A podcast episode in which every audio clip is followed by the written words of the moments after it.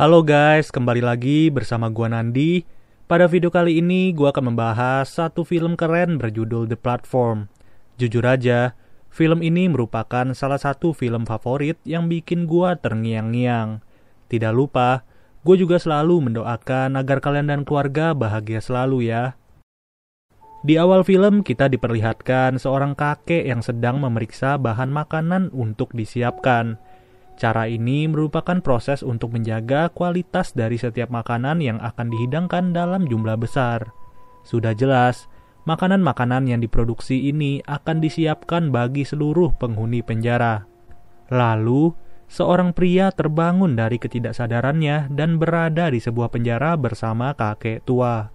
Tanpa menyapa sama sekali, kakek tua itu tiba-tiba mengucapkan lantai 48 ia juga berkata kepada pria itu, mulai hari ini kita akan makan makanan yang tersisa dari lantai atas, yang di mana tepat satu lantai di atas mereka adalah lantai 47. Semakin tinggi lantai, maka angkanya akan semakin mengecil. Untuk tingkat paling tinggi, lantainya sendiri memiliki angka 0. Pria yang baru ditempatkan di penjara itu pun langsung melihat ke tengah ruangan dan terdapat lubang yang sangat dalam. Tentu saja, penjara ini tidak hanya berakhir di lantai 48. Di bawah mereka berdua masih banyak tahanan lain yang sedang menunggu makanan datang. Fungsi dari lubang ini adalah sebagai tempat bergerak untuk lift makanan yang datang dari lantai 0. Dari penjelasan singkat ini, pria itu memperkenalkan diri dan berkata bahwa namanya adalah Goreng.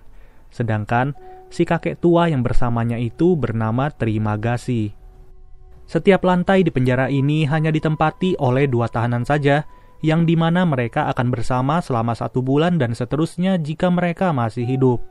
Goreng yang semakin penasaran pun bertanya kepada Terima Kasih bagaimana cara kerja dari lubang ini. Terima Kasih pun berkata bahwa semakin tinggi tingkat lantai maka akan semakin bagus. Untuk lantai 48 sendiri, itu berada di tengah-tengah dan tidak terlalu buruk untuk menunggu makanan. Kakek Terima Kasih sendiri sudah berbulan-bulan berada di penjara ini. Ia tentu saja sudah mengetahui segala hal yang berkaitan dengan aturan di sini. Ia juga tidak bosan-bosan mengatakan bahwa lantai 48 adalah lantai yang cukup bagus. Saat lampu hijau menyala, itu merupakan pertanda lift makanan dari atas akan turun ke lantai di bawahnya. Bisa kalian lihat sendiri, makanan yang datang tidak terlihat fresh dan hanya merupakan makanan sisa kakek terima kasih yang sudah lapar tidak segan-segan untuk memakan hidangan tersebut. Sedangkan Goreng memiliki rasa ragu dan tidak yakin untuk mengkonsumsi itu semua. Ia sendiri tidak percaya bagaimana caranya dalam satu bulan hidup dengan makanan yang sudah dikonsumsi oleh 47 lantai.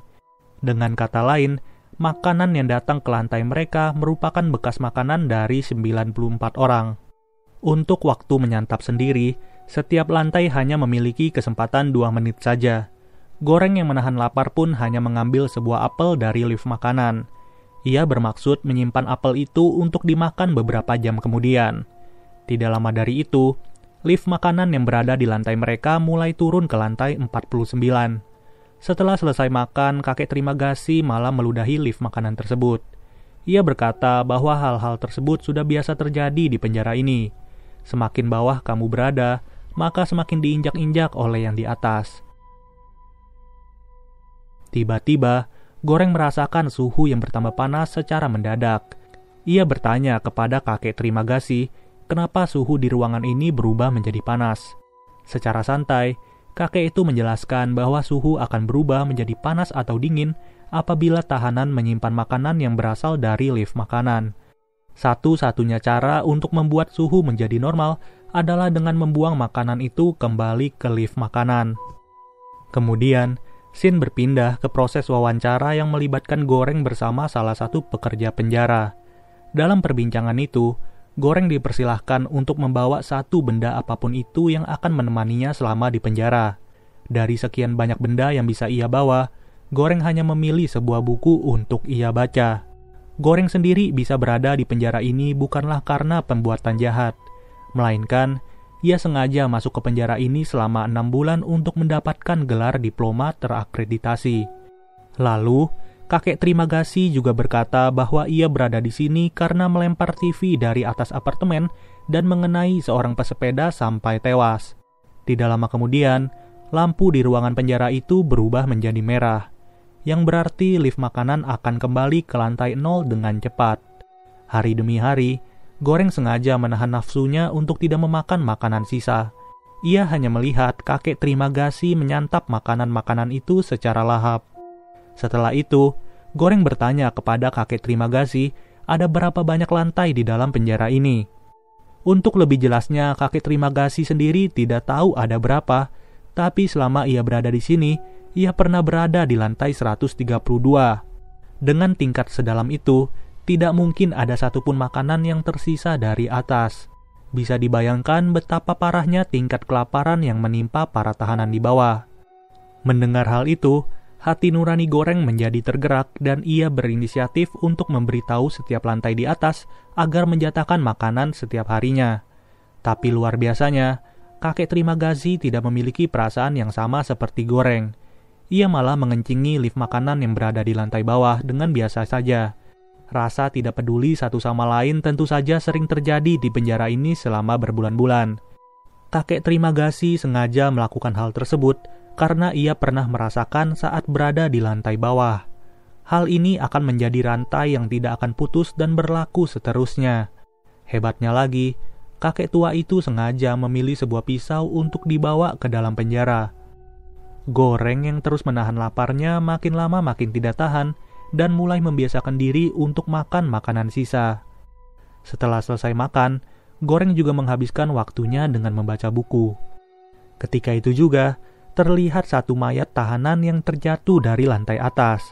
Kakek terima kasih tidak kaget lagi dengan hal itu, dan ia berkata bahwa pemandangan seperti itu sudah sering terjadi di penjara ini. Di saat itu juga Goreng mulai tersadar bagaimana caranya si kakek tua bisa tetap hidup saat berada di lantai 132. Ia pun mulai mencurigai sebenarnya ke mana teman satu sel kakek terima kasih, apalagi saat Goreng belum berada di penjara ini. Dari pemikiran itu, sudah jelas kakek terima kasih memakan teman satu selnya sendiri, apalagi ia memilih sebuah pisau saat masuk ke penjara ini. Tidak lama dari itu, Lift makanan sudah datang ke lantai mereka dan terlihat seorang wanita yang sedang terduduk. Wanita itu ternyata bernama Miharu dan memang sering menumpang ke dalam lift makanan.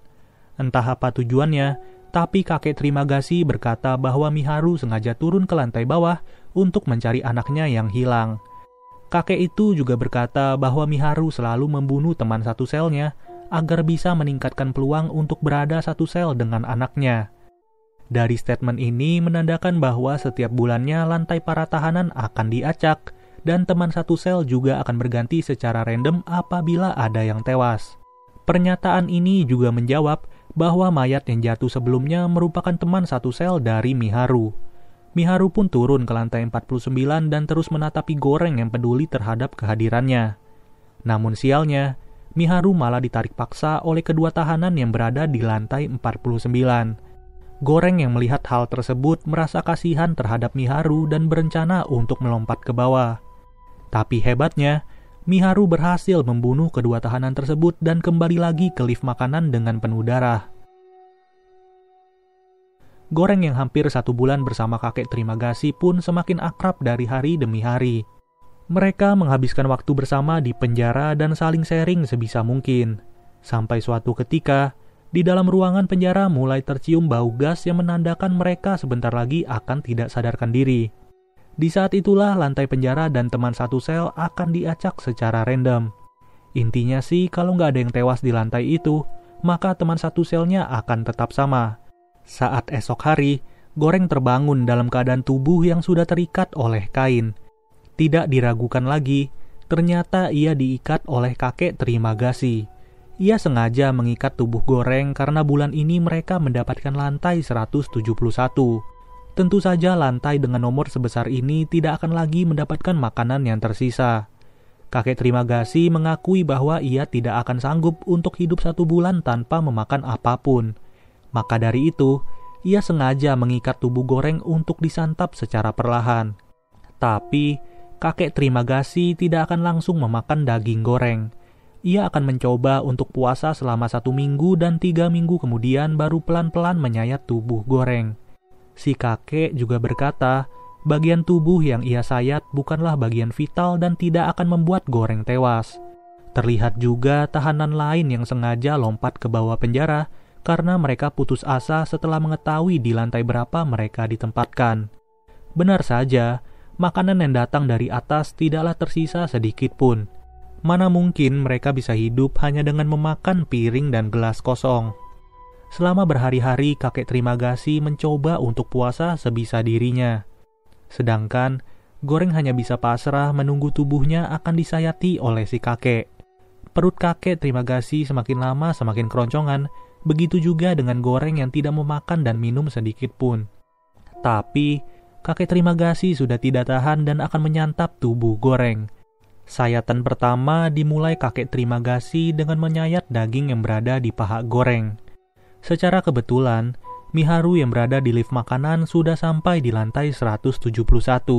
Miharu yang melihat perilaku kakek terima kasih langsung menghajarnya dari belakang dan menusuk leher si kakek dengan pisaunya sendiri. Saat itu juga Miharu yang respek kepada Goreng langsung melepaskan ikatannya ia juga membiarkan Goreng untuk membalas kemarahannya kepada si kakek terima kasih. Sudah jelas, si kakek harus tewas secara sadis di lantai 171. Di sisi lain, Goreng yang terlalu lemas langsung pingsan dan tidak sadarkan diri. Beberapa jam kemudian, Goreng mulai tersadar secara perlahan dan melihat Miharu sedang menyantap tubuh kakek terima kasih. Jujur aja, gua nggak heran sama sekali kalau kebiasaan aneh sudah terjadi di penjara ini. Luar biasanya lagi, Miharu malah sengaja menyuapi Goreng untuk memakan potongan daging itu. Goreng yang tidak terbiasa langsung memutahkan daging si kakek tua. Namun anehnya Miharu ini adalah wanita yang gak pernah ngomong sama sekali. Dia malah tetap menyuapi Goreng untuk memakan daging si kakek terima kasih. Saat ditanya tentang nama anaknya, Miharu malah tidak mau menjawab dan kabur turun ke bawah lagi. Selama satu bulan di lantai 171 ini, Goreng mau tidak mau harus gaduin daging kakek terima kasih. Walaupun udah penuh belatung kayak begitu, tapi ya tetap aja perut Goreng harus dikasih makan. Singkat cerita, satu bulan sudah dilewati oleh Goreng dan ia terbangun lagi dengan lantai yang berbeda. Dikarenakan kakek terima kasih sudah tewas, maka sudah jelas Goreng ditempatkan bersama orang random. Terlihat teman satu selnya kali ini adalah seorang wanita bernama Imoguri yang membawa seekor anjing. Mereka berdua kali ini berada di lantai 33 yang secara realita tidaklah terlalu buruk. Ternyata, oh ternyata, wanita ini adalah seorang pekerja admin yang mewawancarai Goreng sebelum masuk ke penjara ini. Ketika wawancara itu, Goreng ditanyakan berbagai hal termasuk makanan favoritnya. Dengan tujuan makanan favorit yang dipilih goreng akan ditempatkan ke dalam lift. Ia juga bertanya kepada Imoguri, ada berapa orang yang terdapat di penjara ini. Selama 25 tahun Imoguri bekerja di sini, ia mengetahui bahwa lantai di penjara ini kira-kira 200-an lantai. Secara logika, dengan jumlah makanan yang diberikan, tentu saja tidak akan memenuhi kebutuhan 400 orang. Namun, Imoguri tetap memaksa hal itu bisa saja berkecukupan apabila diterapkan sistem solidaritas. Berada di lantai 33 membuat Goreng tidak perlu lagi memakan daging manusia. Sedangkan Imoguri malah tetap bersikeras untuk mengatur jatah makanan pada lantai di bawahnya. Ia sengaja membuat makanan yang terpisah menjadi dua piring dengan harapan tahanan yang berada di lantai bawah akan melakukan perilaku yang sama. Dengan cara itu, Imoguri akan menekankan perilaku solidaritas yang membuat para tahanan ke bagian makanan. Imoguri juga memberitahu para tahanan yang ada di lantai 34 untuk menjatahkan makanan secukupnya saja. Akan tetapi, para tahanan itu malah marah-marah dan berkata tidak ada lagi kesempatan untuk makan enak. Mereka juga secara spontan mengatakan akan menghabiskan makanan-makanan ini sepuas-puasnya mereka tidak memikirkan bagaimana nasib para tahanan yang tidak beruntung pada bulan ini. Hari demi hari, Imoguri tidak capek-capek untuk memberitahu para tahanan di lantai bawah. Perilaku ini sudah diterapkan oleh Imoguri selama 15 hari di dalam penjara. Tapi tetap saja tidak ada respon positif dari para tahanan tersebut. Sampai pada akhirnya, Goreng sudah lelah mendengar hal itu dan ia langsung mengancam para tahanan di bawah. Goreng berkata apabila mereka tidak menuruti perintah Imoguri, maka ia tidak segan-segan akan mengencingi dan berak di makanan mereka. Statement yang dikeluarkan oleh Goreng terbukti ampuh, dan para tahanan langsung nurut saat itu juga. Esok harinya, lift makanan kembali turun ke lantai mereka. Namun terlihat ada Miharu yang berbaring di lift tersebut dengan kondisi penuh luka. Seketika itu juga, Goreng dan Imoguri langsung menolong Miharu yang terbaling lemas. Saat lift sudah turun, tiba-tiba suhu di lantai mereka berubah menjadi sangat dingin.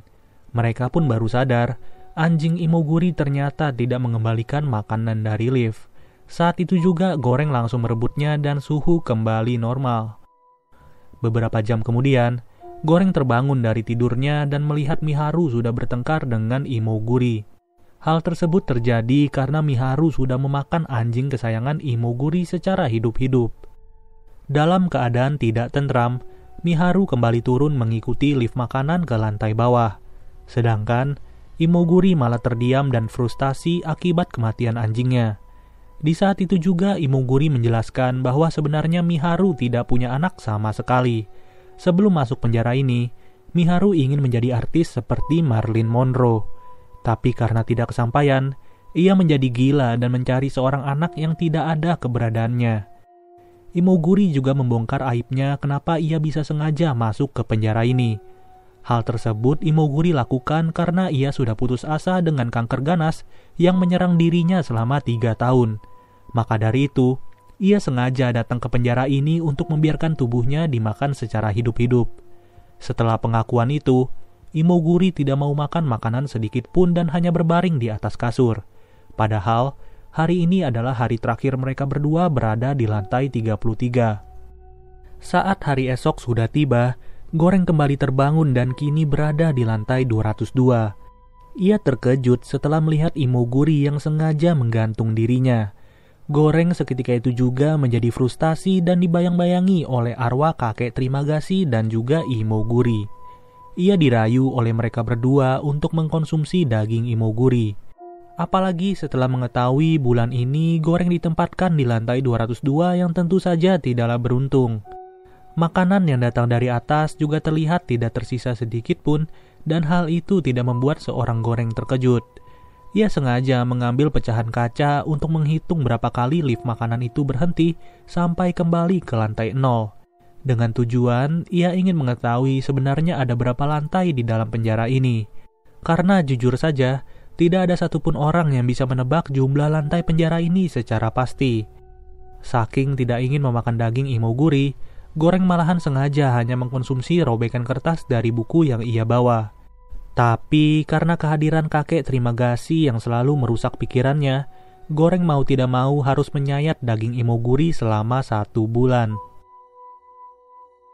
Bulan berikutnya, Goreng kembali terbangun dari tidurnya dan ditempatkan di lantai 6. Selama ia berada di penjara ini, tentu saja ini adalah lantai yang paling bagus. Di lantai 6 ini, Goreng ternyata ditemani oleh seorang pria bernama Baharat.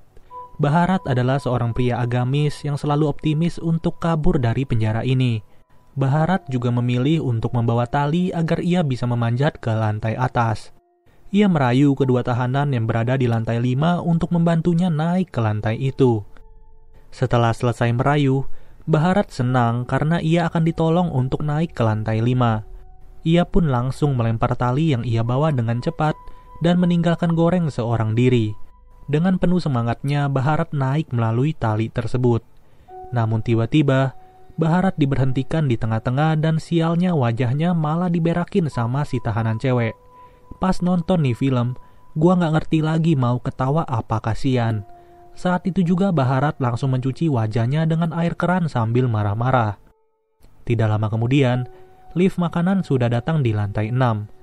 Dari sini terlihat kondisi makanan yang masih rapi dan tentu saja banyak pilihannya. Tapi, para tahanan yang berada di lantai tujuh malah memakan makanan itu secara rakus. Kalau hal seperti ini tidak ada habisnya, bagaimana mungkin solidaritas bisa dibangun? Bulan ini juga menjadi bulan terakhir bagi Goreng berada di penjara. Dengan berada di lantai 6, bisa dibilang Goreng tinggal duduk manis dan mengkonsumsi setiap makanan yang datang secara tenang. Namun hebatnya, Goreng tidak mau menjadi orang seperti itu. Ia sengaja meminta tolong kepada Baharat agar membantunya turun ke lantai bawah. Ia mengajak Baharat untuk berdiam diri di lift makanan itu dan membagikan makanan secara adil di setiap lantainya. Pada awalnya, Baharat bingung dengan rencana yang disampaikan oleh Goreng. Sudah enak-enak berada di lantai 6, tapi kenapa malah mau turun ke lantai bawah dan mempertaruhkan nyawa? Goreng juga mengatakan bahwa jika rencana ini berhasil, maka ia akan membuat sistem di penjara ini lebih baik daripada sebelumnya. Ia juga sudah mengetahui bahwa jumlah lantai di penjara ini kurang lebih 250 lantai. Goreng bisa berkata seperti itu karena ia sudah menghitung setiap menit ketika lift makanan bergerak. Celakanya, apabila perhitungan Goreng salah, tentu saja akan membuat malapetaka bagi mereka. Apalagi jika makanan sudah habis terlebih dahulu saat sampai di lantai 250. Dengan rayuan maut dari Goreng, Baharat akhirnya lulu dan rela membantu Goreng untuk melakukan aksinya. Saat itu juga mereka langsung merusak tiang kasur dan dijadikan sebuah senjata untuk berjaga-jaga. Mereka pun naik ke atas lift makanan dan bersiap-siap untuk turun. Baharat mengancam kedua tahanan yang ada di lantai tujuh untuk puasa satu hari. Jika mereka tidak ingin nurut, maka akan dibunuh oleh Baharat. Baharat dan Goreng berencana setidaknya makanan ini bisa tetap utuh saat sampai di lantai 51. Setiap menuruni lantai, Goreng dan Baharat melakukan perilaku yang sama ketika mereka melewati lantai tersebut. Sampai pada akhirnya, Baharat tiba di sebuah lantai yang ditempati oleh pria bijak. Pria bernama Berambang ini bukanlah ayah dari Baharat. Bapak itu juga memberitahu bahwa mereka harus membawa sebuah pesan saat sampai di lantai nol. Dengan harapan ada beberapa pekerja yang mempunyai hati nurani. Untuk memberikan pesan tersebut, mereka harus menggunakan sebuah simbol yang diwakilkan dengan satu makanan. Satu hidangan yang tentu saja tampak lezat dan menggugah selera yang harus mereka pilih. Hidangan yang mereka pilih itu harus sampai ke lantai nol dalam keadaan utuh dan tidak tersentuh sedikit pun. Dengan kondisi makanan seperti itulah, maka pesan akan tersampaikan kepada penjaga yang berada di lantai nol. Makanan yang terjaga itu menandakan bahwa para tahanan sudah bisa saling berbagi dan menjaga makanan secara cukup satu sama lain. Diharapkan dengan pesan tersebut, pengelola penjara menjadi sadar dan merubah sistem yang gila ini. Seketika itu juga, Baharat dan Goreng bersiap diri untuk menjaga makanan yang mereka pilih. Kebetulan makanan yang mereka pilih adalah sebuah panah kota. Sekali lagi, jika tidak ada yang nurut dengan perintah mereka, maka akan dihabisi saat itu juga lantai demi lantai sampai pada akhirnya mereka tiba di lantai 51. Mulai lantai 51 ini mereka membagikan makanan secara adil satu sama lain. Sejauh ini semua rencana mereka berjalan lancar dan tidak terhambat sedikit pun.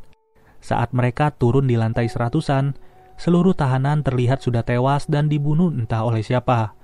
Lift makanan yang mereka pijaki tidak akan berhenti secara otomatis apabila tidak ada yang hidup di lantai tersebut. Saat melewati beberapa lantai di bawahnya, terlihat Miharu yang sedang dibunuh oleh seorang pria. Ketika itu juga terjadi perkelahian hebat antara kedua tahanan melawan Goreng dan Baharat. Sialnya bagian perut Baharat terluka cukup dalam dan parah pada saat itu. Goreng pun dihajar abis-abisan oleh pria besar di lantai itu. Untung saja, Baharat berhasil melawan dan menyelamatkan Goreng yang hampir tewas. Sedihnya lagi, Miharu yang berada di lantai itu sudah tewas setelah dibunuh. Setelah itu, mereka berdua pun kembali ke lift makanan dan turun dalam keadaan penuh luka. Banyak sekali lantai yang sudah mereka lewati di penjara itu. Lantai 250 yang diperkirakan oleh Goreng ternyata bukanlah lantai dasar. Itu berarti masih banyak lantai yang berada di bawah dan tidak tahu ada berapa jumlahnya. Semakin dalam lantai, semakin parah juga kondisi para tahanan. Untung saja makanan yang mereka jaga sampai sekarang masih utuh dan tidak tersentuh. Pada akhirnya, lift makanan itu tiba-tiba berhenti di lantai 333. Mereka bingung kenapa lift makanan berhenti padahal tidak terlihat orang sedikit pun.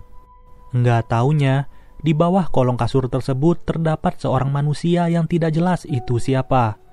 Saat mereka mendekati orang tersebut, lift makanan malah turun ke bawah dan meninggalkan mereka. Namun anehnya makanan yang dibawa oleh Baharat tidak membuat suhu di lantai itu berubah. Ternyata, oh ternyata, di lantai tersebut terdapat seorang anak perempuan yang masih hidup dan bersembunyi. Sudah jelas ini adalah anak dari Miharu yang selama ini ia cari-cari. Bahkan, seorang imuguri yang sudah bekerja selama 25 tahun pun tidak bisa menebak kehadiran anak ini. Goreng dan Baharat pun bimbang bagaimana mereka bisa membantu anak ini yang kelaparan, sedangkan mereka hanya punya makanan yang harus dijaga sampai lantai nol. Ujung-ujungnya makanan itu diberikan kepada si gadis kecil yang kelaparan ini. Mereka sengaja mengorbankan harapan mereka demi kehidupan anak tersebut. Beberapa jam kemudian, Goreng terbangun dari ketidaksadarannya. Ia pun dibayang-bayangi oleh arwah terima kasih Imoguri, Miharu, dan Baharat yang mengatakan bahwa anak itu adalah pesannya. Ya, tentu saja arwah Baharat sudah gentayangan karena ia ternyata meninggal kehabisan darah di lantai 333 beberapa jam setelah kejadian tadi. Saat itu juga, satu-satunya anak dari Miharu langsung dibawa ke lift makanan yang turun ke lantai paling bawah. Saat sampai di bawah, lagi-lagi goreng dibisikin sama kakek terima kasih yang berkata bahwa pesan itu tidak butuh pengantar untuk sampai ke atas, yang berarti anak Miharu bisa kembali ke lantai nol dan tidak harus ditemani oleh seorang goreng. Ketika itu juga lift makanan kembali ke atas dengan kencang sambil membawa anak dari Miharu. Anak itu diharapkan dapat menjadi pesan yang menandakan bahwa mereka semua tidak layak diperlakukan seperti itu lagi. Karena rasa kemanusiaan mereka masih ada di dalam penjara ini. Pada intinya, film ini keren banget, dan gue menangkap banyak makna dari film ini. Film ini menggambarkan bagaimana kondisi kehidupan yang sesungguhnya dengan menjelaskan kesenjangan sosial. Yang biasanya kehidupan itu terdiri dari orang-orang kaya dan juga orang-orang miskin. Semakin tinggi orang berada di tingkat tersebut, maka semakin rakus mereka untuk menghabiskan. Sedangkan semakin bawah tingkat lantai di penjara itu mengartikan orang yang berada di tingkat kemiskinan maka semakin sengsara pula kehidupan mereka. Tujuan film ini dibuat dengan maksud menyindir kondisi kehidupan manusia sekarang yang tidak ingin berbagi dan cenderung serakah. Penjara juga melambangkan sebuah sistem dari kehidupan manusia-manusia itu. Imoguri bisa diartikan sebagai seorang pejabat yang merasa paham dengan masalah di tengah masyarakat. Tetapi nyatanya, mereka cuma tahu soal teori dan praktiknya nol besar. Bahkan menebak jumlah lantai di penjara ini saja ia masih salah. Bagaimana ia mau mengerti kondisi dari masyarakatnya? Untuk kakek terima kasih sendiri, itu mengartikan bahwa ia adalah sosok yang penting bagi Goreng karena telah memberitahu banyak informasi. Maka dari itu Goreng harus berterima kasih kepada si kakek yang membuat dirinya tahu harus mengambil keputusan. Sesuai namanya, terima kasih diambil dari bahasa terima kasih. Untuk baharat itu diambil dari bahasa Timur Tengah yang berarti rempah-rempah. Sedangkan berambang diambil dari bahasa Jawa yang berarti bawang. Mereka berdua menggambarkan sosok yang cukup bijak dan berusaha mewujudkan kesetaraan antar manusia. Jadi, mereka adalah simbol harapan di tengah kesenjangan sosial masyarakat. Lalu, seorang goreng digambarkan sebagai orang yang berani bertindak dan melawan dari sistem yang tidak beres. Ia berani mengorbankan berbagai hal demi tercapainya kesejahteraan dan perubahan. Oke deh guys, semoga apa yang gue sampaikan di video ini bisa kalian mengerti ya. Sampai bertemu lagi di video berikutnya, gua Nandi cabut dulu. Dadah.